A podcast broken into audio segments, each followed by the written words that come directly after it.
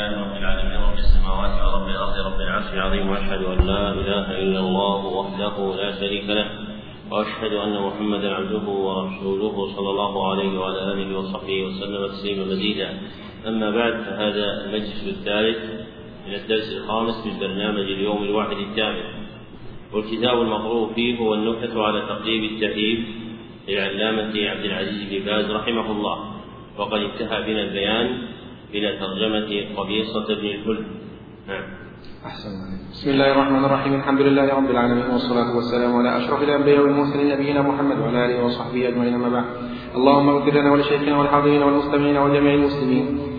قال الحافظ رحمه الله تعالى دالوة وقال قبيصة الهلب بضم الهاء وسكن الله بعدها موحدة الطائي الكوفي مقبول من الثالثة. قال سماحة الشيخ رحمه الله تعالى ذكر في التهذيب عن ابن المديني. والنسائي أنه مجهول ونقل عن الأجري أنه تابعي ثقة ووثقه ابن حبان. انتهى ملخصا من تهذيب التهذيب. أحسن.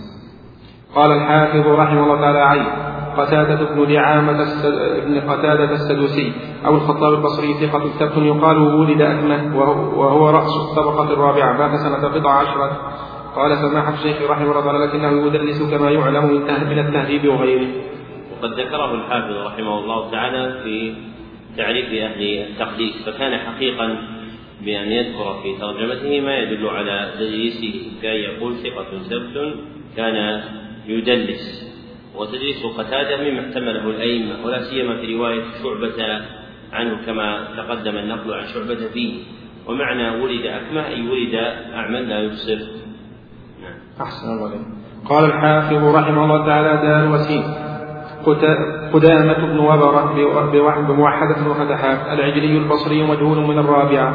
قال سماحة الشيخ رحمه الله تعالى قد ذكر المصنف في تهذيب التهذيب أن ابن معين وابن حبان وثقا وقد روى عنه قتادة فكيف يكون مجهولا؟ والقاعدة أن قول الموثق يقدم على قول من جهل الشخص وبذلك يكون قدامة المذكور معروفا ثقة. وقد جزم البخاري بعدم بعدم صحة سماعه من سمرة والله أعلم. هذا على قواعد الحافظ ابن حجر رحمه الله تعالى. ينبغي أن يكون في أقل مراتبه مقبولا لأنه قد روى عنه مثل قتادة بن دعامة ووثقه مثل ابن حبان وهو عنده إذا روى عنه واحد جليل أو أكثر من ذلك ووثقه ابن حبان يكون مقبولا. وقد انضم إلى توثيق ابن حبان توثيق ابن معين. فأقل أحوال هذا الرجل أن يكون لا بأس به لأنه من طبقة عالية هي الرابعة فيكون من التابعين. وقد وثقه ابن معين وابن حبان وروى عنه قتادة وهو إمام جليل وليس له كثير حديث. نعم. أحسن الله قال الحافظ رحمه الله تعالى ميم والأربعة قرة بن عبد الرحمن بن حيوئيل بمهملة مفتوحة ثم تحتانية وزن جبرائيل. المعافري البصري يقال اسمه يحيى صدوق له ونكير من السابعة مات سنة سبع وأربعين. قال سماحة الشيخ رحمه الله تعالى ضاعفه أحمد وجماعة وروى له مسلم مقرونا بغيره وذكره ابن حبان في الثقات. وقال ابن علي لم أر له حديثا منكرا جدا فأرجو أن لا بأس به. انتهى من تهذيب التهذيب. قوله وروى له مسلم مقرونا هذه علامة راوي الاعتبار عند مسلم ممن يخرج حديثه في المتابعات والشواهد. وقرة بن عبد الرحمن ضعيف الحديث والذي قضى بضعفه كثرة مناكيره فإن له مناكير أخرجته من حد الصدوق الذي يقبل حديثه إلى ضعيف الحديث وهو كثير الأوهام. نعم. أحسن الله قال الحافظ رحمه الله تعالى ميم وداء قيس بن بشر بن قيس بن بشر بن قيس التغلبي بالمعجمة وكسر اللام الشامي مقبول من السادسة قال سماحة الشيخ رحمه الله تعالى وقال في التهذيب روى عنه هشام بن سعد وقال كان رجل صدق وقال أبو حاتم لا أعلم به بأسا. قال وذكره ابن حبان في الثقات وبهذا يعلم تساهل المؤلف في قوله إنه مقبول. وكان الأولى به أن يقول ما قاله أبو حاتم أو يصفه بالصدق والله الموفق. قول الشيخ وبهذا يعلم تساهل المؤلف كان الأولى أن يقال تشدد المؤلف لأنه أنزله من رتبته إلى رتبة دونها. فرتبة هذا الراوي هي كونه صدوقا والله أعلم لما ذكر في ترجمته مما نقل الشيخ طرفا منه فهو صدوق. أحسن عليكم قال الحافظ رحمه الله قيس المدني مجهول من الثالثة. قال سماحة الشيخ رحمه الله تعالى قد روى عن أم سلمة وروى عنه ابنه محمد كما في ابن ماجه في باب ما يقطع الصلاة. أحسن عليكم وقال أيضا رمز له المصنف في التهذيب بعلامة النسائي سين. أحسن عليكم قال الحافظ رحمه الله تعالى راء ودال وتاء وقاف كثير كثير بن زيد الأسلمي أبو محمد المدني ابن مافنه بفتح الفاء وتشديد النون صدوق يخطئ من السابعة. مات في آخر خلافة المنصور قال سماحة الشيخ رحمه الله تعالى قد وثقه جمع من الأئمة وجرحه بعضهم جرحا غير مفسر. كما في تهذيب التهذيب ولذلك اعتمد المؤلف تصديقه. قال رحمه الله تعالى كعب بن سور كعب بن سور بضم المهملة وسكون الواو ابن بكر بن بن عبيد بن ثعلبة الأزدي. قال ابن أبي حاتم عن أبي زرعة ليس له صحبة. وقال أبو عمر كان مسلما في عهد رسول الله صلى الله عليه وسلم ولم يره وهو معدود في كبار التابعين. قال البخاري قتل يوم الجمل انتهى من الإصابة باختصار. قال الحافظ رحمه الله تعالى وسيم محمد بن آدم بن سليمان الجهني صدوق من العاشرة مات سنة خمس ومائتين. قال سماحة الشيخ رحمه الله تعالى وهو المصيصي واتقى النسائي وقال أبو حاتم صدوق كما في التهذيب. فهو حقيق بأن يكون ثقة لأن أبا حاتم رحمه الله تعالى كان يتشدد. وقد قال صدوق في جماعة من الثقات منهم من الأئمة محمد بن إدريس الشافعي ومسلم بن الحجاج نعم. قال الحافظ رحمه الله تعالى خاء والأربعة محمد بن إدريس بن ابن العباس بن عثمان بن شافع بن السائب بن عبيد بن عبد يزيد بن هاشم بن المطلب بن المطلبي أبو عبد الله الشافعي المكي. نزيل مصر رأس الطبقة التاسعة والمجدد لأمر الدين على رأس المئتين مات سنة أربع ومئتين وله أربع وخمسون سنة. قال سماحة الشيخ رحمه الله تعالى وذكر المؤلف في تهذيب التهذيب أنه توفي في آخر رجب من عام أربعة ومئتين وذكر عن بعضهم أن مولده في غزة سنة خمسين ومئة. قال الحافظ رحمه الله تعالى دالوس وقال محمد بن إدريس بن المنذر الحنظلي أبو حاتم الرازي أحد الحفاظ. من الحادية عشرة مات سنة سبع وسبعين. قال سماحة الشيخ رحمه الله تعالى ذكر مؤلف تهذيب التهذيب أنه توفي في شعبان سنة سبع, سبع وسبعين ومائتين وأن مولده كان وأن مولده سنة خمس وتسعين ومائة. قال الحافظ رحمه الله تعالى قال محمد بن إسماعيل بن عياش في التحتانية والمعجمة الحمصي عادوا عليه أنه حدث عن أبيه بغير سماع من العاشرة. قال سماحة الشيخ رحمه الله تعالى ورمز في التهذيب بعلامة أبي داود ولينه أبو داود وذمه عمرو بن عثمان كما في تهذيب التهذيب. قوله عابوا عليه أنه حدث عن أبيه بغير سماع أي كان يأخذ حديث أبيه من كتبه فكان يقول رأيت في كتاب أبي وإذا حدث الراوي عن كتاب أبيه قبل منه حديثه. كما اتفق لمسلم في تخريج حديث مخرمة بن بكير عن أبيه فإن مخرمة لم يسمع من أبيه وإنما روى من كتابه. نعم. أحسن عليكم قال رحمه الله تعالى محمد بن أيوب بن ميسرة بن حلبة الدمشقي روى عن أبيه وروى عنه الهيثم بن خالدة والوليد بن مسلم وأبو مسهر وهشام بن عمار وغيرهم وقد زكاه أبو حاتم والذهبي وذكره ابن حبان في الثقات انتهى ملخصا من التهذيب. قال رحمه الله تعالى محمد بن جعفر بن سهل الخرائطي ذكره ابن القيم رحمه الله تعالى في الصفحة الحادية والأربعين بعد الثلاثمائة من كتابه الجواب الكافي وأنه مشهور بالضعف في الرواية وأن ابن الجوزي ذكره في الضعفاء وذكر ابن القيم رحمه الله تعالى أن وفاته سنة سبع وعشرين وثلاثمائة. محمد بن جعفر الخرائطي هذا هو صاحب كتاب مكارم الأخلاق ومساوي الأخلاق واعتلال القلوب وهو حافظ معروف وقد وهم ابن القيم رحمه الله تعالى في ذكر تضعيفه كما أنه وهم في نقله عن ابن الجوزي فإن النسخة التي بأيدينا من كتاب الضعفاء ابن الجوزي ليست فيها ترجمة الخرائط والخرائط ثقة معروف له تأليف كثيرة. نعم. أحسن الله عليكم. قال الحافظ رحمه الله تعالى قال محمد بن حماد الطهراني بكسر المهملة وسكون الهاء ثقة حافظ لم يصب من ضعفه من العاشرة مات سنة 71 قال سماحة الشيخ رحمه الله تعالى ذكره السمعاني في الأنساب وقال إنه من ثقات المسلمين ونقل عن ابن أبي حاتم أنه سمع منه مع أبيه وذكر أنه توفي سنة 61 أو 200 في آخر ربيع الآخر. قال الحافظ رحمه الله تعالى دال وتاء وقاف محمد بن حميد بن حيان الرازي حافظ ضعيف وكان ابن معين حسن الرأي فيه من العاشرة مات سنة ثلاثين. قال سماحة الشيخ رحمه الله تعالى هذا سهو أو غلط من الطابع أو بعض النساخ والصواب سنة ثمان وأربعين كما في التهذيب والميزان وقد رماه أبو زرعة والنسائي بالكذب. هذا مما ذكرت لك سابقا أن وصف الحفظ لا يدل على التوثيق ولذلك قال الحافظ فيه قال حافظ ضعيف. فالحفظ وصف للدلالة على سعة روايته وكثرتها وليس وصفا للدلالة على التوثيق والتعديل. ومحمد بن حميد ضعيف إن لم يكن أشد من ذلك. نعم. أحسن الله إليكم. قال الحافظ رحمه الله تعالى مين محمد بن حيان التحتاني أبو الأحوص البغوي نزيل بغداد من العاشرة مات سنة سبع وعشرين.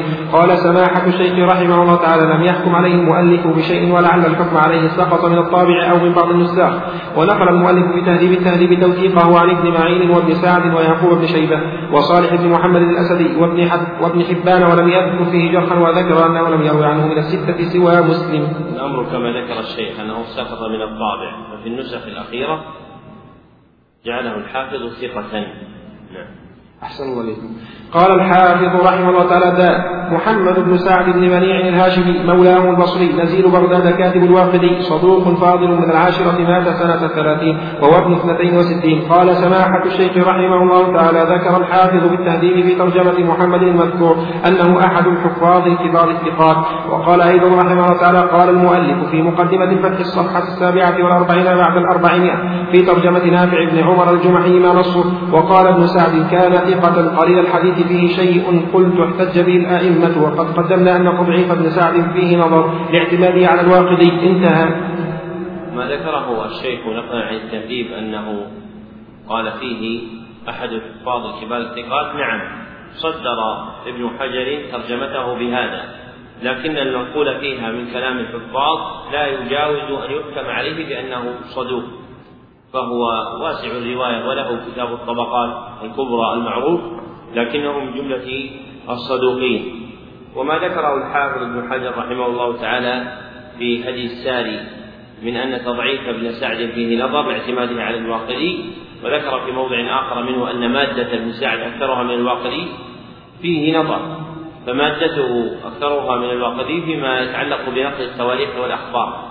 أما فيما يتعلق بالحكم على الرواة فإن الواقدي لم تكن له يد في ذلك وليس له كلام في التجريح والتعديل وإنما هذا كلام ابن سعد بحسب ما أداه إليه اجتهاده. فابن سعد عمدة في الجرح والتعديل لكنه إذا خالف غيره فمثله مثل غيره إذا خالف الأئمة فإنه إذا انفرد حافظ في الحكم على راو بالتضعيف وقد وثقه جماعة فالقول قولهم. نعم. أحسن الله إليكم. قال الحافظ رحمه الله تعالى قال محمد بن سليمان بن ابي خيثمة الأنصاري المدني مقبول من الرابعة قال سماحة الشيخ رحمه الله تعالى لعله حتمة كما في المسند. أحسن قال الحافظ رحمه الله تعالى دار وقاف محمد بن عبادة بفتح العين والموحدة. والموحدة المخففة الواسطي صدوق فاضل من الحادية عشرة.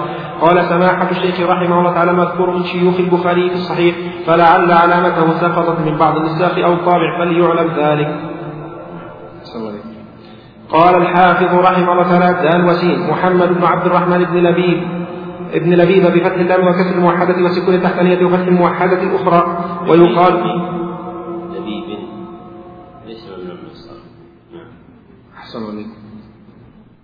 هو ضبطها قال الفتح الموحدة الأخرى.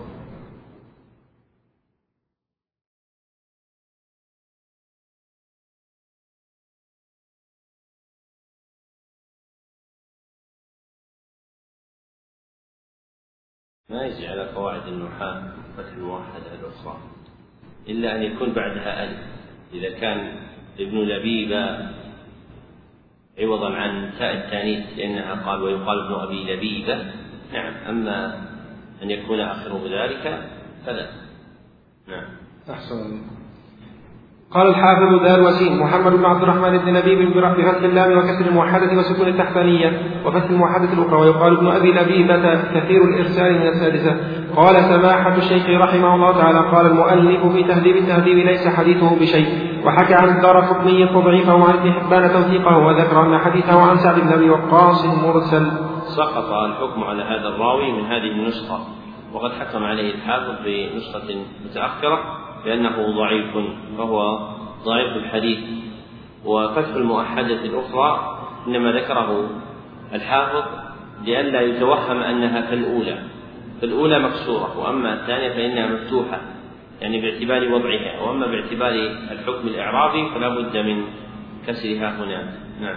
أحسن الله إليكم قال رحمه الله تعالى محمد بن عبد السلام القرطبي الخشني صاحب التصانيف ثقة كبير الشأن مات سنة ست وثمانين ومائتين وفي عشر وهو في عشر الثمانين. قاله الحافظ الذهبي في التذكرة الجزء الثاني الصفحة التاسعة والأربعين بعد الستمائة قال رحمه الله تعالى محمد بن عبد السلام بن بشار النيسابوري أبو عبد الله كان صواما قواما ربانيا ثقة روى عن يحيى بن يحيى التميمي وسمع منه كتبه وسمع وسمع التفسير من إسحاق وعنه أبو حامد الشرقي ومؤمل بن الحسن توفي سنة ست وثمانين ومائتين في رمضان قاله الحافظ الذهبي في التذكرة الجزء الثاني الصفحة التاسعة والأربعين بعد بعد ستمائة.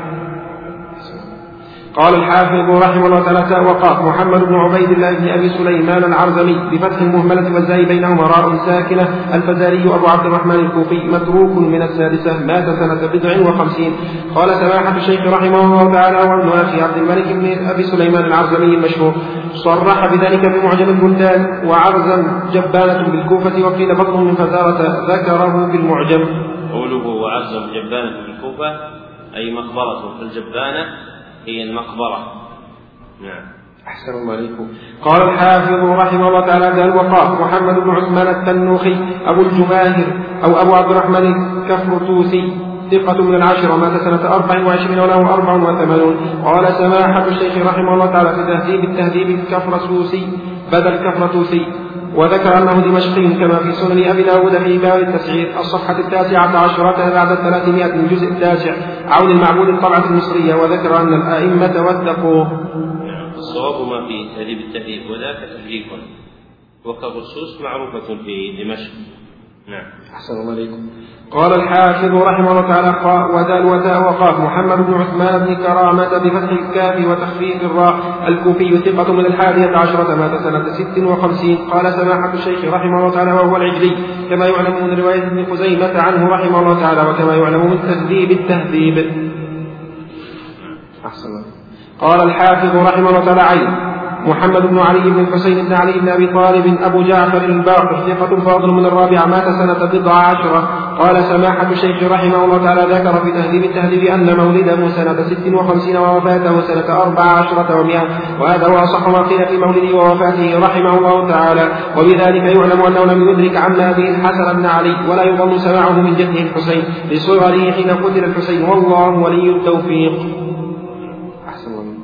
قال الحافظ رحمه الله تعالى دال محمد بن علي بن يزيد بن ركانة صدوق من السادسة. قال سماحة الشيخ رحمه الله تعالى قد خرج له الترمذي كما في في الصفحة الثانية والثمانين بعد الأربعمائة من المجلد الخامس من تحفة الأحوذي. الطبعة المصرية حديث رقم أربعة وأربعين بعد ثمانمائة وألف. فلعل علامته سقطت. الذي خرج له الترمذي إنما هو محمد بن ركان وهو أخو يزيد فيكون في رتبة جده وأما محمد بن علي فلم يخرج له الترمذي نعم. أحسن عليكم قال الحافظ رحمه الله تعالى سين محمد بن عمران الأنصاري شيخ لمحمد بن عمرو بن بن حلحلة مجهول من الثالثة. قال سماحة الشيخ رحمه الله تعالى قوله مجهول فيه نظر ولعله أن الحافظ نشا عن جهالة أبيه وقد وصف أباه في ترجمته بأنه مقبول ووصف محمدا هنا بأنه مجهول. والصواب العكس محمد هو المقبول على قاعدة المؤلف لأنه قد وثقه ابن حبان وذكره البخاري في التاريخ ولم يذكر فيه جرحا. كما في تهذيب التهذيب أما والده عمران فلم, فلم يروي عنه إلا ابنه محمد ولم يوثقه أحد سوى مسلمة سوى مسلمة بن قاسم وهو لا يعتمد فيكون عمران والحال مع ما ذكر مجهولا وحديثه عند النسائي ضعيف جدا. وانظروا في النسائي في باب ما ذكر في منى الصفحة التاسعة والثمانين بعد المئة الجزء السادس. هذا الذي ذكره الشيخ رحمه الله تعالى هو الأقرب إلى الاعتماد فإما أن يكون الحكم على محمد وأبيه واحدا فيحكم بأنهما جميعا مجهول أو يقال كما قيل في أبيه إنه مقبول ومحمد أولى بحكم المقبول من أبيه فإن أباه لم يروي عنه إلا ابنه ولا وثقه إلا مسلمة بن القاسم. فهذان الراويان إما أن يكونا مقبولين وإما أن يكونا مجهولين وإما أن يكون محمد مقبولا وأبوه مجهولا وهذا أقرب. أحسن الله قال الحافظ رحمه الله تعالى دار محمد بن أبي محمد الأنصاري لولا زيد بن ثابت مدني مجهول من السادسة تفرد عنه ابن إسحاق. قال سماحة الشيخ رحمه الله تعالى ذكر المسي في التهذيب أنه روى عن عكرمة وسعيد بن جبير وعنه محمد بن إسحاق وذكره ابن حبان في الثقات. ونقل الحافظ ابن حجر في تهذيب التهذيب عن الذهبي أنه لا يعرف وذلك موافق لما ذكره هنا من وصفه بالجهالة. أحسن قال الحافظ رحمه الله تعالى عين محمد بن مسلم بن تدرس بفتح المثنات وسكون الدال المهملة وضم الراء. الأسدي مولاه أبو الزبير المكي صدوق إلا أنه يدرس من الرابعة. مات سنة ست وعشرين. قال سماحة الشيخ رحمه الله تعالى ذكر الحافظ المصري في تهذيب الكمال وأقره الحافظ ابن حجر في تهذيب التهذيب أن رواية أبي الزبير في البخاري مقرون بغيره فليعلم ذلك. فيكون أبو الزبير عند البخاري من رواة المتابعات والشواهد أما مسلم فقد اعتمده في الأصول أكثر من حديثه عن جابر. أحسن الله عليكم قال رحمه الله تعالى محمد بن منصور بن جيكان. قال قال في باب الجيم من القاموس المحيط محدث كذاب. انتهى. القاموس المحيط للفيروزآبادي وهو كتاب يشتمل على تراجم نفيسة وزادها نفاسة شرحه تاج العروس.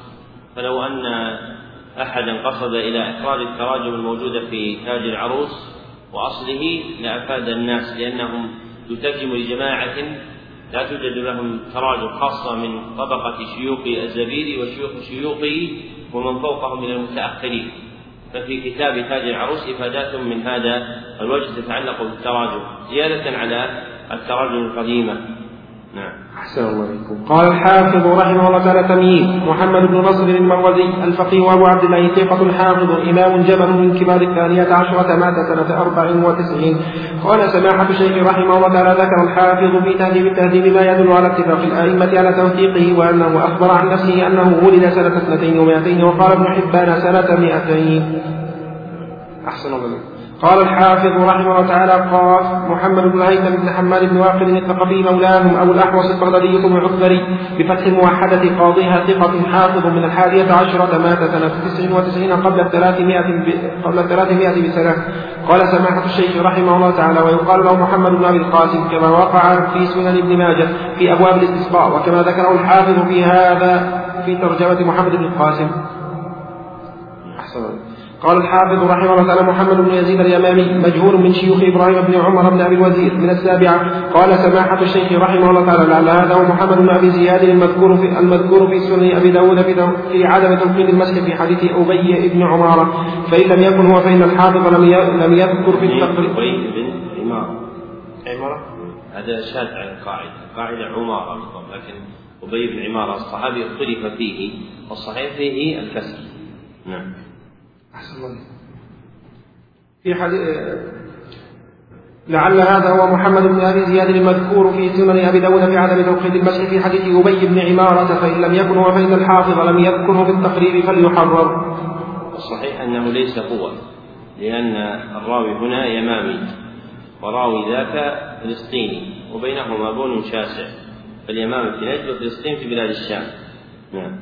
أحسن الله عليكم. قال الحافظ رحمه الله تعالى عين محمد بن يوسف بن واقد بن عثمان الضبي مولاه الفريابي بكسر الفاء وسكون الراء بعدها تحتانية وبعد الألف موحدة نزيل قيسارية من من ساحل الشام ثقة فاضل يقال أخطأ في شيء من حديث سفيان وهو مقدم فيه مع ذلك عنده على عبد الرزاق من التاسعة. قال سماحة الشيخ رحمه الله تعالى ذكر في تهذيب التهذيب أنه ولد سنة عشرين ومئة وتوفي سنة اثنتي عشرة ومئتين رحمه الله تعالى. قال الحافظ رحمه الله تعالى قاء تاء ودال وتاء وقاء مبارك بن فضالة بفتح الفاء وتخفيف المعجمة أبو فضالة البصري. صدوق يدلس ويسوي من السادسة مات سنة ست وستين على الصحيح.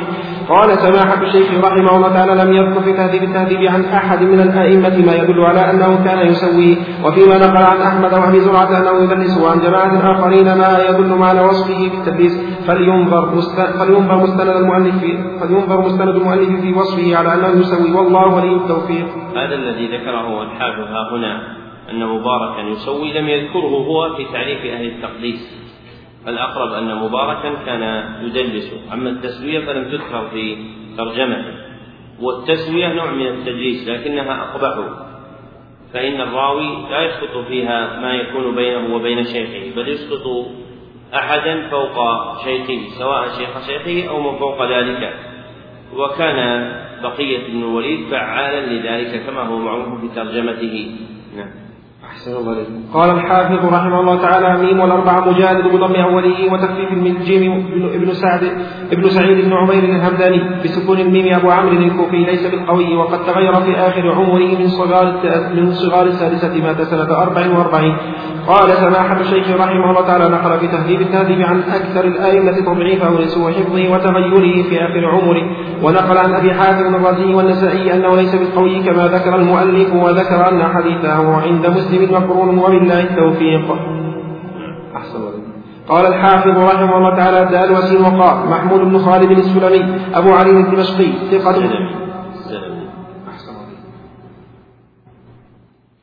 قال الحافظ رحمه الله تعالى دال وسين وقال محمود بن خالد السلمي أبو علي الدمشقي ثقة من صغار العاشرة مات سنة سبع سبع وأربعين وله ثلاث وسبعون. قال سماحة الشيخ رحمه الله تعالى ضبطه في الخلاصة بفتح المهملة واللام.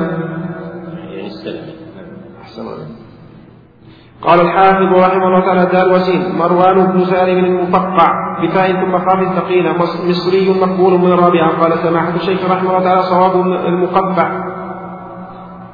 بتقديم القاف كما في نسخ التقريب الصحيحة وغيرها من كتب الرجال. وهو كذلك. أحسن قال الحافظ رحمه الله تعالى مروان بن أبي لبابة البصري ثقة من الرابعة يقال إنه مولى عائشة أو هند بنت المهلب. أو عبد الرحمن بن زياد قال سماحة الشيخ رحمه الله تعالى روى حديثه النسائي عن محمد بن نضر بن مساوي عن حماد عنه عن عائشة في قراءة النبي صلى الله عليه وسلم سورة بني إسرائيل والزمر كل ليلة وهذا إسناد جيد رجاله ثقات وحماد المذكور وابن زيد كما يعلم من تهذيب التهذيب. إسناد هذا الحديث فيه نظر فإن أصل الحديث في الصحيحين وليس فيه ذكر قراءة سورة بني إسرائيل والزمر في كل ليلة ولا يثبت ذلك. نعم أحسن الله. قال رحمه الله تعالى مسرور بن سعيد يروي عن الأوزاعي المناكر الكثيرة قاله ابن حبان وقال العقيلي حديثه في إكرام النخلة غير محفوظ وليس له سواه انتهى ملخصا من الميزان واللسان. مقصوده بحديث في إكرام النخلة حديث أكل معمتكم النخلة ما وجه كون النخلة عمة لنا؟ لأن مبتدأ آدم من الأرض. وكذلك النخلة مبتدأها من الأرض وهي مختصة عن غيرها بكثير منافعها ولذلك شبهت في المسلم في حديث ابن عمر في الصحيحين ولذلك قيل فيها العمة وإن كان هذا الحديث لا يثبت. نعم. أحسن الله عليك. قال الحافظ رحمه الله تعالى زاد مسلمة بن عبد الملك بن مروان بن الحكم الأموي الأمير مقبول من السادسة. مات سنة عشرين أو بعدها. قال سماحة الشيخ رحمه الله تعالى ذكر المؤلف في فتح الباري المجلد العاشر الصفحة الثالثة عشرة بعد الستمائة أنه صدوق وقد أدرك بعض الصحابة هكذا قال ولا يخفى أن الصدوق فوق المقبول. وإذا كان أدرك بعض الصحابة فالقاعدة التي سار عليها المؤلف أن يكون من الخامسة أو الرابعة لكونه تابعيا. وأعلى مراتب التابعين هي الثانية وأدناها الخامسة. أما الأولى فهي للصحابة كما نبه عليه المؤلف في أول في أول الكتاب. أما ما يتعلق بطبقته فالأقرب أنه فوق السادسة إما من الخامسة أو الرابعة. لما ذكره الحافظ بن حجر في أنه أدرك بعض الصحابة. وأما كونه صدوقا ففي ذلك نظر فإنه كان أميرا مستور الحال وليس له كثير حديث ووصفه بالمقبول أو لا. نعم. أحسن الله عليكم. قال الحافظ رحمه الله تعالى لا معاذ بن زهير معاذ بن زهيرة ويقال معاذ بن أبو زورة مقبول من الثالثة أرسل حديثا فوهم من ذكره في الصحابة. قال سماحة الشيخ رحمه الله تعالى معاذ بن زهرة كما في التهذيب. أحسن الله قال الحافظ رحمه الله تعالى والأربعة معاذ بن عبد الله بن خبيب مصغرا الجهني المدني صدوق ربما وهم من الرابعة. قال سماحة الشيخ رحمه الله تعالى واتقوا ابن معين وأبو داود وابن حبان كما في تهذيب التهذيب. إلا أنه خالفهم غيره ولأجل هذا حكم عليه الحافظ لأنه صدوق ربما وهم. نعم. أحسن الله قال الحافظ رحمه الله تعالى عين. معاوية بن أبي سفيان صخر بن حرب بن صخر بن حرب بن أمية الأموي. أبو عبد الرحمن الخليفة صحابي أسلم قبل الفتح وكتب الوحي ومات في رجب سنة ستين وقد قارب الثمانين. قال سماحة الشيخ رحمه الله تعالى هذا قول مرجوح تبع به المصنف الواقدي الواقدي والراجح المشهور أنه أسلم عام فتح كما جزم بذلك ابن عبد البر وابن كثير والمؤلف في تهذيب التهذيب وحكوا ما جزم به المصنف هنا بصيغة التمريض. وذكر من حكاه أنه أسلم وأخفى ذلك فلم يظهره إلا يوم الفتح والله أعلم. ومذهب الجمهور هو الصحيح وهو الذي ذكره الحافظ في تهذيب التهذيب. نعم. أحسن الله عليكم. قال الحافظ رحمه الله تعالى باء ودال وسيم معاوية بن حذيف بمهملة ثم جيم مصغرا الكندي أبو عبد الرحمن أو أبو نعيم صحابي صغير وقد ذكره يعقوب بن سفيان للتابعين. قال سماحة الشيخ رحمه الله تعالى روى عنه النسائي بإسناد صحيح ما يدل على أنه لقي النبي صلى الله عليه وسلم وصلى معه. وذلك في كتاب الأذان. قال الحافظ رحمه الله تعالى قاف دال وداء المغيرة بن أبي قرة السدوسي مستور من الخامسة قال سماحة الشيخ رحمه الله تعالى روى له الترمذي من طريق عمرو بن علي الفلاس عن يحيى بن سعيد القطان عنه عن أبيه حديث اعقلها وتوكل. قال يحيى بعد رواية هذا حديث منكر. قال الترمذي وروي نحوه من حديث عمرو بن أمية الضمري. قوله عن يحيى بن سعيد القطان عنه عن أبيه صوابه عنه عن أنس وليس عن أبيه. ويحيى في قوله هذا حديث منكر يشير به إلى تفرد المغيرة به عن أنس. والمنكر اسم يطلقه بعض الحفاظ على التفرد المطلق. منهم يحيى بن سعيد القطان ومنهم البرديجي ومنهم أحمد بن حنبل في بعض مقاصده في هذه الكلمة. نعم. أحسن عليكم قال الحافظ رحمه الله تعالى لا مقاتل بن سليمان بن بشير الأزدي الخرساني أبو الحسن البلخي نزيل مر ويقال له ابن دوان دوز كذبوه وهاجروه وروي بالتجسيم من السابعة مات سنة خمس خمس ومائة. قال سماحة الشيخ رحمه الله تعالى صواب خمسين ومائة كما في الميزان. وما يذكر من رميه بالتجسيم لا يوجد في كتبه التي طبعت من كلامه في التفسير. فالرمي بالتجسيم كأنه والله أعلم وقع من مخالفيه من نفاة الصفات الذين كانوا يملؤون خراسان فأرادوا التنفير منه فوصفوه بالتجسيم فهو رحمه الله تعالى من جملة مثبتة الصفات. وأما التجسيم فليس في كلامه رحمه الله تعالى مما بأيدينا ما يدل على ذلك. ولم ينقل أحد ممن ذكر هذا عنه ما يثبت هذه التهم على مقاتل بن سليمان. نعم. أحسن الله عليكم قال الحافظ رحمه الله تعالى قال مؤثر بضم أوله وسكون الواو وكسر المثلثة ابن ابن عفاز بفتح المهملة والفاء ثم زايد أبو المثنى الكوفي مقبول من الثالثة. قال سماحة الشيخ رحمه الله تعالى ذكر في التهذيب أنه موثق ابن حبان وأنه شيباني عبدي. قال رحمه الله تعالى تاء موسى بن عبد الرحمن الثقفي الصنعاني روى عن عن ابن جريج وعنه أبو الطاهر بن السرح. عن ابن جريج وليس بالحاء طبعا. ليس فيهم ابن جريج وإنما هو ابن جريج عبد الملك بن عبد العزيز بن جريج. نعم. موسى بن عبد الرحمن الثقفي الصنعاني روى عن ابن جريج وعنه أبو الطاهر بن السرح. قال ابن قال ابن حجر في لسان الميزان ليس بثقة ونقل عن ابن حب عن ابن حبان أنه دجال وعن ابن عدي أنه منكر الحديث. انتهى ملخصا من لسان الميزان. أحسن قال الحافظ رحمه الله تعالى عين عين السين ميمون الكلي أبو بصير. بفتح الموحدة وقيل النون مقبول من السادسة قال سماحة الشيخ فيه تساهل والصواب أنه ثقة بأنه قد وثقه ابن معين. وأبو داود وابن حبان كما في تهذيب التهذيب ونقل عن عن الأزدي ضعيفه والأزدي لا يعول عليه بالتضعيف والتوثيق كما نبه عليه الحافظ في مواضع كثيرة وغيره من آئمة الحديث. إنما يكون التساهل إذا رفع الناقد الراوي فوق قدره أما إذا أنزله عن قدره يقال تشدد فيكون صواب عبارة الشيخ فيه تشدد لأنه أنزله من الرتبة اللائقة به, به, إلى رتبة دونها. والصواب أنه ثقة كما قال الشيخ لأنه وثقه ابن معين وأبو داود بن حبان وليس في جناب من ضعفه إلا قول الأزدي والأزدي لا يعول عليه في التضعيف إذا انفرد خاصة كما نبه عليه الحافظ بن حجر في مواضع من السالف نعم. أحسن الله وقال أيضا رحمه الله تعالى وصف المؤلف لميمون المذكور يخالف ما درج عليه في المقدمة والصواب أن يقال ثقة أو صدوق لأنه ذكر في التهذيب وتهذيب التهذيب أن ابن معين وثقه وهكذا أبو داود وابن حبان.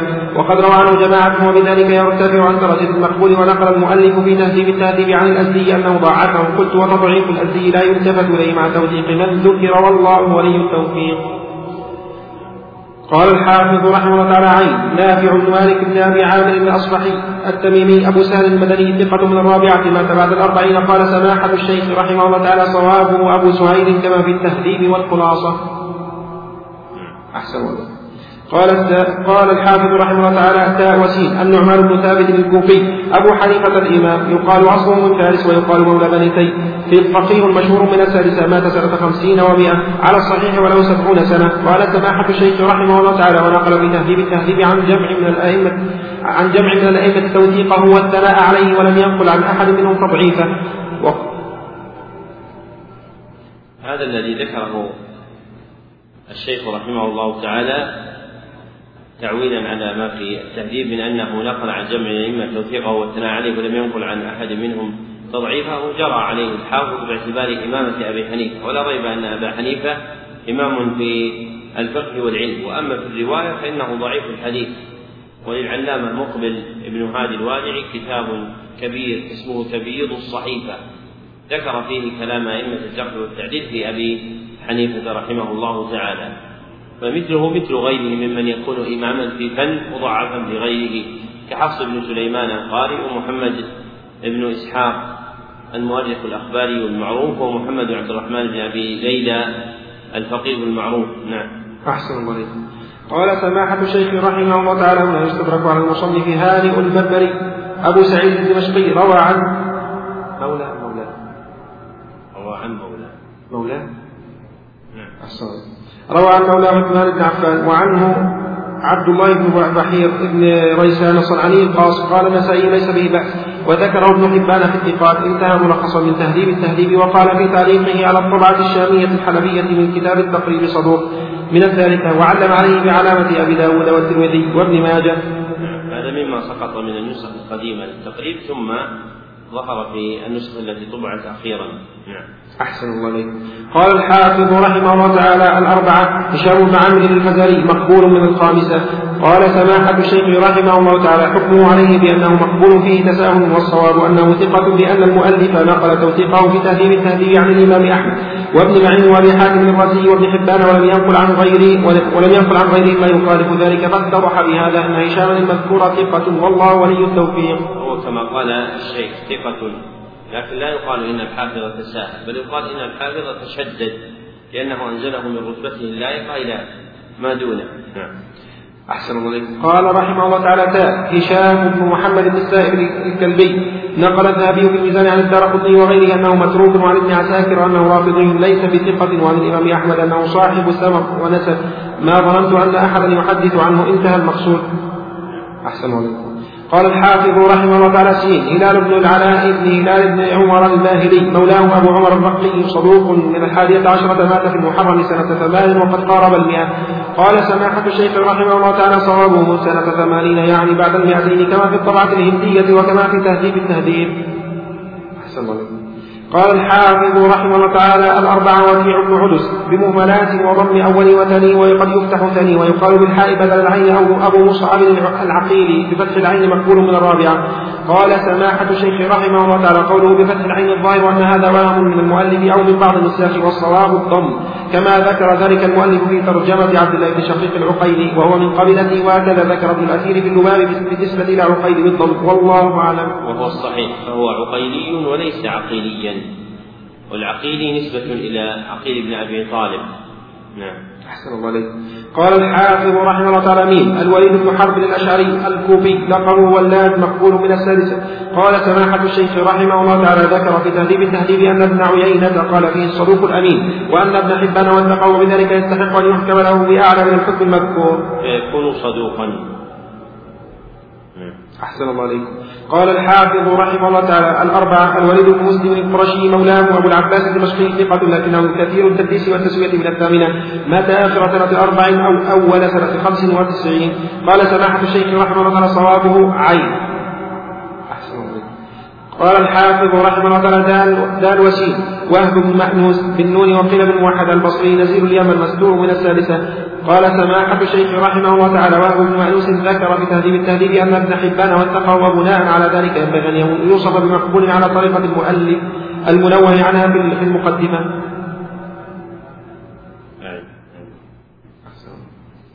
قال الحافظ رحمه الله تعالى دال وسيم وهب بن مأنوس بالنون وقيل بالموحدة. البصري نزيل اليمن مستور من السادسة. قال سماحة الشيخ رحمه الله تعالى وهب بن مأنوس ذكر في تهذيب التهذيب أن ابن حبان وثقه وبناء على ذلك ينبغي أن يوصف بمقبول على طريقة المؤلف, المؤلف المنوه عنها في المقدمة. نعم هو كذلك والمقبول عند الحافظ طبقة فوق المستور.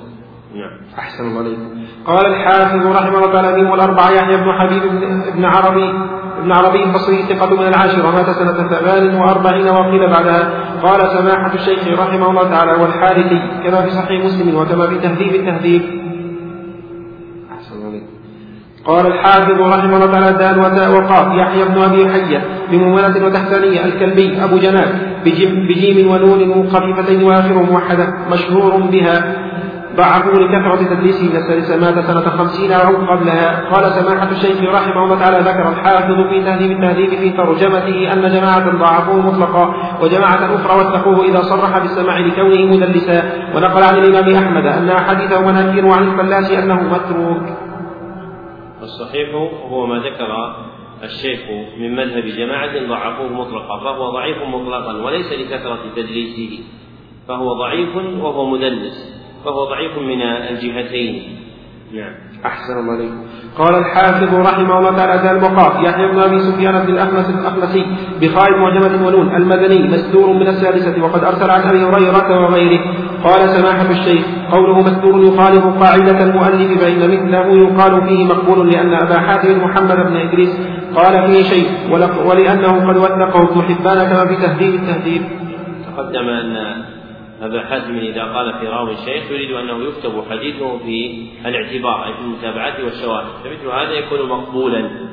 نعم. أحسن الله قال الحافظ رحمه الله تعالى من وقاف يحيى بن الضريس بمعجمة ثم مولد مصغرا البجلي الرازي قاضي صدوق من التاسعة مات سنة ثلاث ثلاث ومائتين قال سماحة الشيخ رحمه الله تعالى قد أخرج له الترمذي في القدر فلعل علامته سقطت أو أن الصواب ذكر التاء مع الميم بدل القاف كما في تهذيب التهذيب.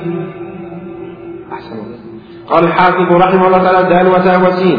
يحيى بن محمد بن عبد الله بن مهران المدني مولى بني نوفل يقال له الجاري الجاري بجيب وراء خفيفة صدوق يخطر من كبار العاشرة.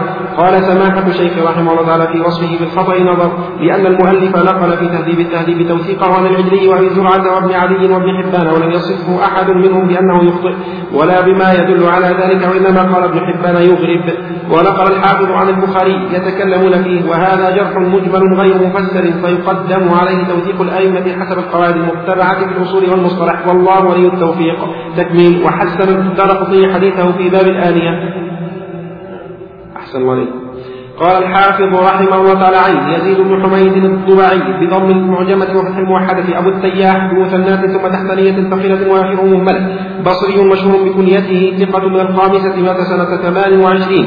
قال سماحة الشيخ رحمه الله تعالى يروي عن أنس رضي الله تعالى عنه وجماعة من التابعين كما في التهذيب وروى عن عبد الرحمن بن خرمش بالخال المعجمة التميمي الصحابي الجليل. حديث التعوذ بالكلمات التامات من شر ما خلق ما ذرع ورع الحديث كما في المسند الجزء الثالث الصفحة التاسعة عشرة بعد الأربعمائة. وكما في الإصابة الجزء الثاني الصفحة السادسة والتسعين بعد الثلاثمائة.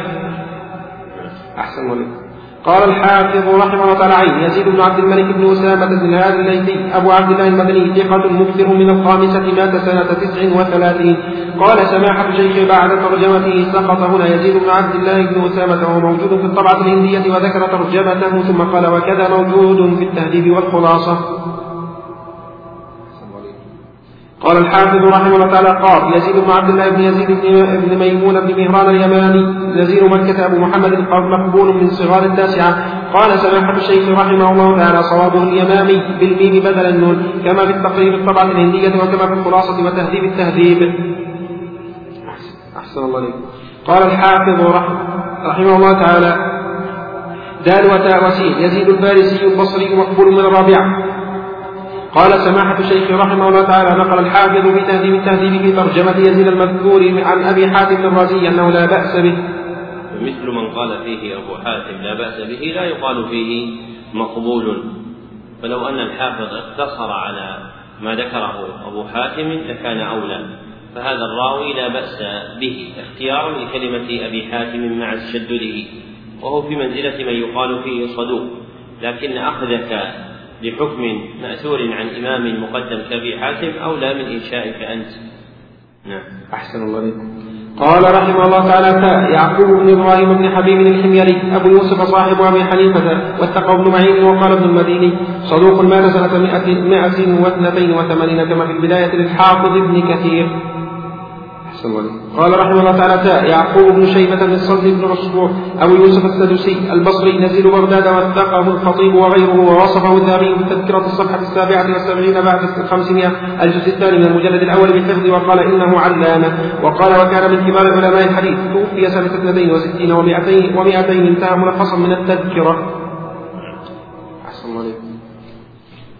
قال الحافظ رحمه الله تعالى سين يوسف بن الزبير المكي مولى آل الزبير وقلبه بعضهم مقبول من الثالثة. قال سماحة الشيخ رحمه الله تعالى ذكر في التهذيب أنه روى أنه روى عن الزبير بن العوام وابنه عبد الله وعن يزيد بن معاوية وعبد الملك بن مروان وعنه بكر بن عبد الله المزني ومجاهد ووثقه ابن حبان ونقل عن ابن جرير أنه مجهول. قلت والآخر في حقه أن يقال لا بأس به لرواية هذين الإمامين وهما بكر ومجاهد وتوثيق وتوثيق ابن حبان له. أما جهل ابن جرير له فلا يعول عليه والله ولي التوفيق الأمر كما ذكر الشيخ فإن من روى عنه مثل مكر بن عبد الله المزني ومجاهد بن جبر وهما إمامان ثقتان وهذا الراوي متقدم الطبقة ووثقه ابن حبان فمثله ممن يحسن حديثه ويقال لا بأس به.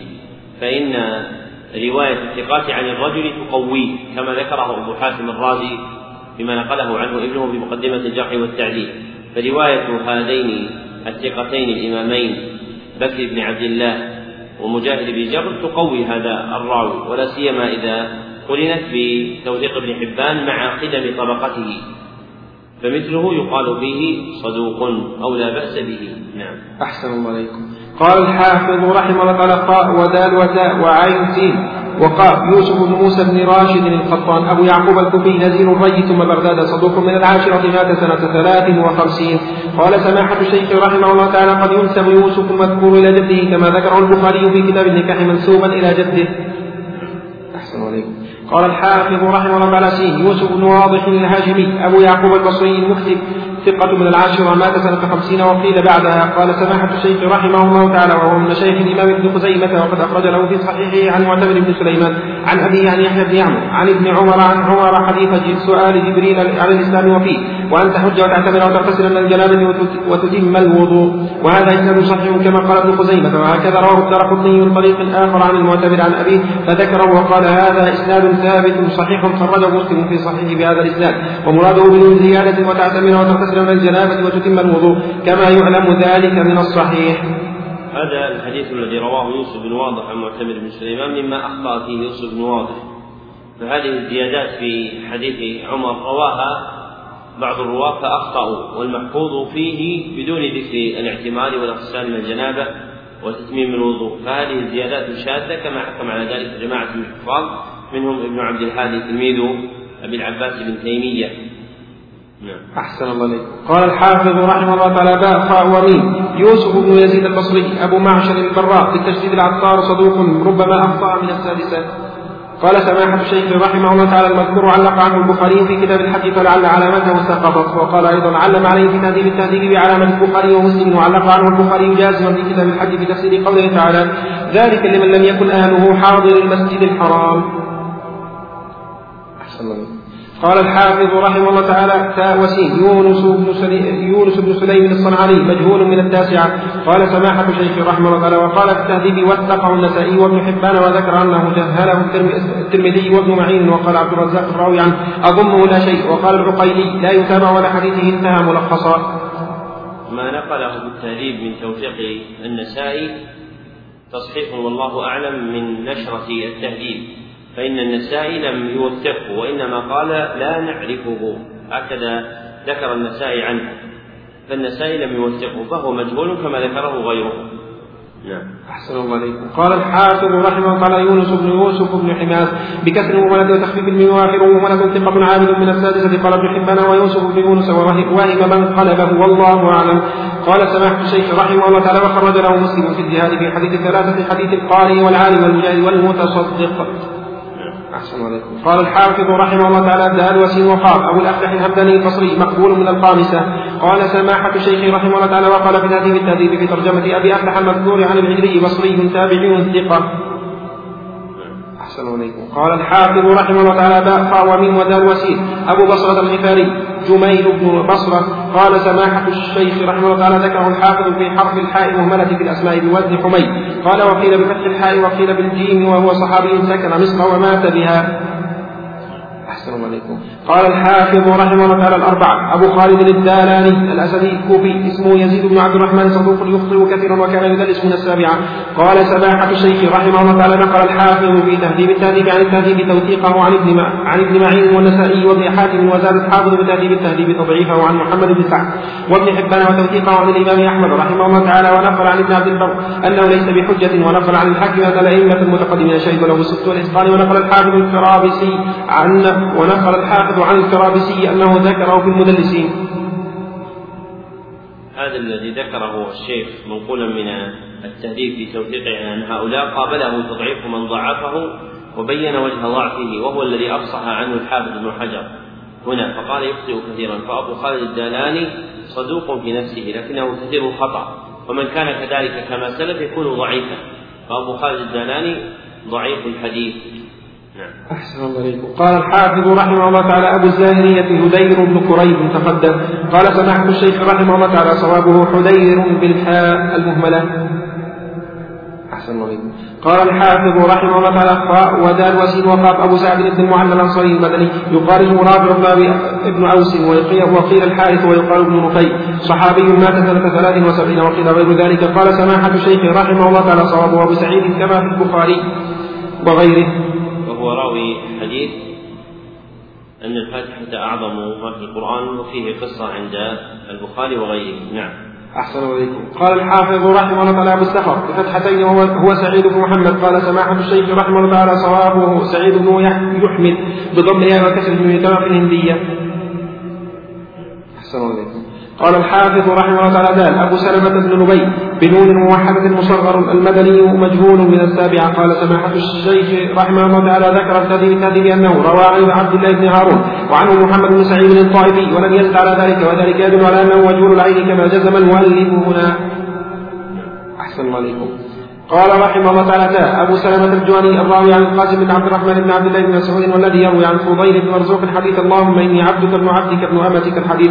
قال في كتابه في الميزان في الصفحة الخامسة والثلاثين بعد الثلاثمائة الجزء الرابع لا يدرى من هو. وقال في التعجيل عن الحسيني أنه مجهول وعن ابن حبان أنه وثقه والحديث المذكور رواه الإمام أحمد بن مسلم الحديث رقم آه، رقم 41 بعد الحادي والأربعين بعد الأربعة آلاف والثامن والثامن والثامن والعشرين بعد الخمسمائة وثلاثة آلاف. إلا أن أبا سلمة هذا قال فيه ابن معين أراه موسى الجهني وموسى الجهني أحد الصدوقين. ولو لم يكن هو موسى الجهني فإن أبا سلمة هذا لم يروي إلا هذا الحديث وصححه له ابن حبان والحاكم. فمثله ممن يكون حسن الحديث. وكونه موسى الجهني أقرب. ولو سلمنا بأنه ليس موسى الجهني فهو راو حسن الحديث لا بأس بحديثه. وحديثه هذا حسن وقد صححه ابن القيم وغيره. نعم. أحسن عليكم. قال الحافظ رحمه الله تعالى أبو شجرة هو كريم بن مرة تقدم. قال سماحة الشيخ رحمه الله تعالى لعله كثير. كما نبه على ذلك أبو داود في السنن في باب تسمية الصفوف. قال الحافظ رحمه الله تعالى باء خاء ودال وسين وقاف. أبو ظبية بفتح أول وسكن الموحدة بعدها تحتانية ويقال بالمهملة وتقديم التحتانية والأول وأصح السلفي بضم المهملة الكلاعي بفتح الكاف نزل نزل أحسن نزل حمص مقبول من من الثانية.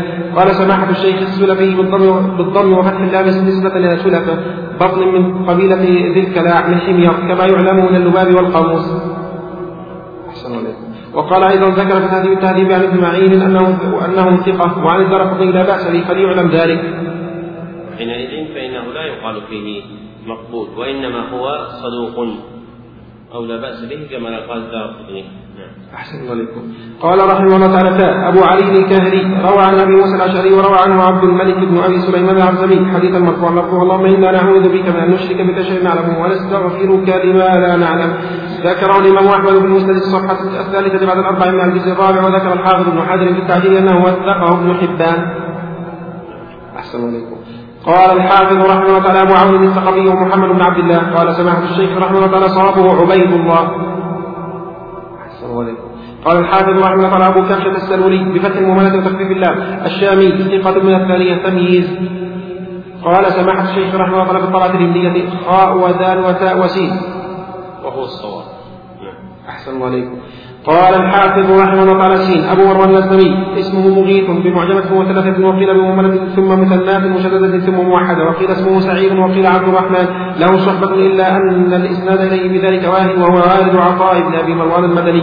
قال سماحة الشيخ رحمه الله تعالى لم يحكم عليه المؤلف بتوثيق ولا غيره وذكر في تهذيب التهذيب عن العجلي أنه مدني ثقة وقد قال وذكر ابن حبان في الثقات وقال النسائي لا يعرف لا يعرف انتهى من تهذيب التهذيب. فيكون مقبولا. أحسن الله عليكم قال الحافظ رحمه الله تعالى يا ودال وسيم أبو مريم الثقفي اسمه قيس الودائلي مجهول من الثانية. قال سماحة الشيخ رحمه الله تعالى في كونه مجهولا نظر لأن المصنف ذكر في التهذيب أنه روى عنه نعيم وعبد الملك وذكره ابن حبان في انتقاده ومن كان بهذه الصفة فهو معروف والله أعلم. حينئذ لا ينبغي أن يقال فيه مجهول وعلى طريقة الحافظ فهو مقبول. أحسن الله عليكم. قال الحافظ رحمه الله تعالى أبو مودود البصري هو بحر بن موسى قال سماحة الشيخ رحمه الله لم يتقدم في ترجمة من اسمه بحر في هذه الطبعة فليحرر. أحسن الله عليكم. قال الحافظ رحمه الله تعالى أبو هشام الرفاعي هو محمد بن يزيد بن رفاعة. قال سماحة الشيخ رحمه الله تعالى صوابه محمد بن يزيد بن محمد بن كثير. قال الحافظ رحمه الله تعالى خاء والأربعة أسماء بنت يزيد بن السكن الأنصارية تكنى أم تكنى أم مسلمة ويقال أم عامر صحابية لها أحاديث قال سماحة الشيخ رحمه الله تعالى صوابه أم سلمة كما في تهذيب التهذيب والخلاصة والله أعلم. وهي أم سلمة التي يحدث عنها شهر بن حوشب فإذا وجدت في الإسناد حديث شهر بن حوشب عن أم سلمة فاعلم أنها أسماء بنت يزيد. نعم. أحسن الله عليكم. قال الحافظ رحمه الله تعالى الأربع جدامة بنت وهب ويقال جندل. الأسدية أخت عكاشة بن محصن لأمه صحابية لها سابقة وهجرة. قال الدار قطني من قالها بالذات المعجمة صحة قال سماحة الشيخ رحمه الله تعالى سقطت علامة مسلم وهي ممن روى عنه مسلم في العزم. وقد رمز لها في تهذيب التهذيب بعلامة مسلم والأربعة وهو الصواب. أحسن الله عليكم. قال رحمه الله تعالى خيرة بنت أبي حسرة الأسلمية زوجة أبي الدرداء الكبرى صحابية جليلة وله زوجة أخرى تابعية يقال لها أم الدرداء الصغرى. اسمها هجيمة كما في فتح الباري الصفحة العاشرة بعد المائتين والجزء الرابع. وانظر صفحة 21 بعد الستمائة من هذا الجزء في الكنى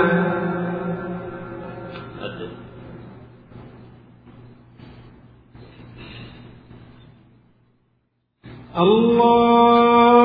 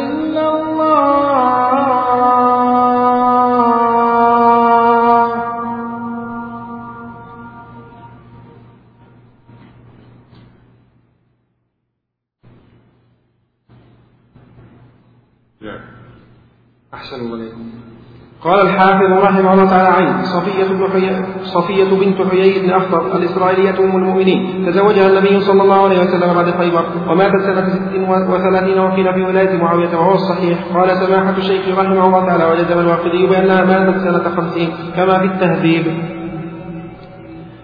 أحسن الله عليكم قال الحافظ رحمه الله تعالى عائشة بنت أبي بكر الصديق. أم المؤمنين أفقه النساء مطلقا وأفضل أزواج النبي صلى الله عليه وسلم إلا خديجة ففيها خلاف شهير ماتت سنة سبع وخمسين على الصحيح. قال سماحة الشيخ رحمه الله تعالى وجزم الحافظ ابن كثير بأنها توفيت سنة, سنة ثمان وخمسين وكذا جزم الحافظ المزي عن الزبير بن بكار وغيره أنها توفيت سنة ثمان وخمسين في رمضان في سبع عشرة خلت منه. قال الحافظ رحمه الله تعالى زال وتاء وقال مسة مسة بضم بضم أولها والتشديد. الأسية أم بسة بضم الموحدة والتشديد أيضا مقبولة من الثالثة. قال سماحة الشيخ رحمه الله تعالى ونقل الحافظ بتهذيب التهذيب عن الخطابي وابن وابن حبان أن الحكم أن الحكم بن عتبة بن عتيبة روى عن مسة المذكورة كما روى عنها أبو سهل كثير بن زياد عند أهل السنن الأربع من النسائي. أحسن عليكم. قال الحافظ رحمه الله تعالى قال أم أيمن حاضنة النبي صلى الله عليه وسلم يقال اسمها بركة وهي والدة أسامة بن زيد. ماتت في خلافة عثمان؟ قال سماحة الشيخ رحمه الله تعالى وثبت في صحيح مسلم في الصفحة المئة من الجزء الثاني عشر بشرح النووي رحمه الله تعالى عن الزهري رحمه الله تعالى أنها ماتت بعد النبي صلى الله عليه وسلم بخمسة أشهر. نعم ذلك ثابت عند مسلم إلا أن الزهري قد أرسله فإن الزهري لم يدركها فكلامه مرسل وهي تأخرت وفاتها وراء ذلك كما ثبت في غير خبر. نعم. أحسن إليكم. قال سماحة الشيخ رحمه الله تعالى أم حفيد بنت الحارث الهلالية أخت ميمونة لها ذكر في مسلم في حديث أكل الضب الجزء الثالث عشر شرح النووي قال سماحة الشيخ رحمه الله تعالى أم داود بن أم داود بن صالح بن دينار التمار روى لها أبو داود عن عائشة أم المؤمنين حديث فضل الهرة في كتاب الطهارة في باب سؤل الهرة وسكت عن حديثها وقد فات المؤلف ذكرها هنا فليعلم ذلك. أحسن الله قال الحافظ رحمه الله تعالى سين أم كرز بضم أول وسكون الراء بعدها زاء الكعبية المكية صحابية لها أحاديث. قال سماحة الشيخ رحمه الله تعالى قد خرج حديثها الأربعة في العقيقة فكان الواجب أن يجعل عليها علامة الأربع. وهذا آخر البيان على هذا الكتاب وبالله التوفيق.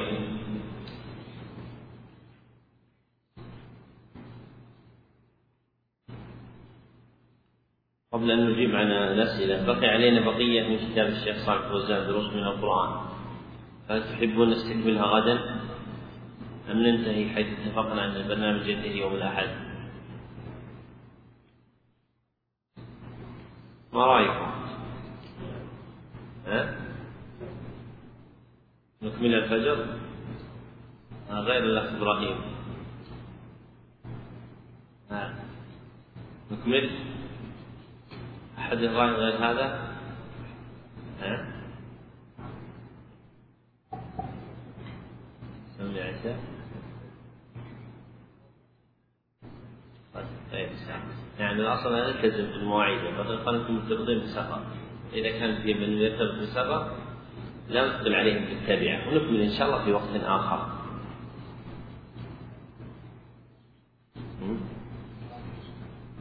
لا بس ليش ما في شيء تعويض الاخوان البارحه اخرناهم 11 ونص هذا يقول نجيب على ثلاثة أسئلة يقول قلت حفظكم الله العرب لا تستعمل فعلون في فتح الأسماء لكن أجد بعض الأسماء مشهورة بالفتح مثل زيدون وشبنون فكيف نوجهها؟ يعني مشتهر عن من؟ الحجة الناس هؤلاء ليسوا حجة الآن هذه أسماء متأخرة عند الأندلسيين ومن بعدهم. وأما العرب لا تعرف إلا هذا لا تعرف إلا فعلول أما فعلول ما تعرف تقول بهلول فلا تقول بهلول. وأما زيدون وغير هذه أسماء مولدة ليست عربية فأنت تحتج علينا بشيء ترجعه إلى العرب الأول. أما هذا فليس بحجة. وقد نص على هذه القاعدة غير واحد من أهل العلم رحمهم الله تعالى. يقول هذا لماذا لا يروي الإمام البخاري عن الإمام أحمد علما بأن الإمام أحمد شيخ البخاري؟ ومن قال لك أنه لم يروي عنه؟ هو روى عنه حديث واحد اتفاقا. قال فيه قال لي أحمد. وروى عنه على الصحيح حديثا ثانيا. البخاري روى حديثين عن أحمد في صحيحه. وإنما لم يكثر عنه لأنه من أقرانه الكبار. والمحدث يعاب إذا نزل. والبخاري قد أدرك شيوخ أحمد فأن يروي عن شيوخه أولى من أن يدرك أن يروي عنه رحمه الله تعالى. هذا يقول لماذا يقتل الإمام أحمد بأبي عبد الله مع أن أكبر أبنائه صالح؟ لأن عبد الله كنية غلبت عليه قبل لأن أبا عبد الله كنية غلبت عليه قبل أن يكون له ولد. فلغلبت هذه الكنية عليه قبل أن يكون له ولد غلبت عليه فولد له صالح ولم يكن به. ثم ولد له ولد فسماه بالاسم الذي يكنى به واشتهر به وليس في ذلك عيبا على ابنه صالح وإنما باعتبار أنه اشتهر بهذه الكنية من قبل أن يرزق الأولاد فبقيت هذه الكنية لازمة له. وبهذا الدرس نقول بحمد الله قد أنهينا برنامج اليوم الواحد الثامن بحمد الله. وهذا الاربعاء لا يكون فيه درس التعليم المستمر وإنما إن شاء الله تعالى في الاربعاء المقبل. وفق الله الجميع ما يحب ويرضى والله أعلم. صلى الله وسلم على عبده ورسوله محمد وآله وصحبه أجمعين.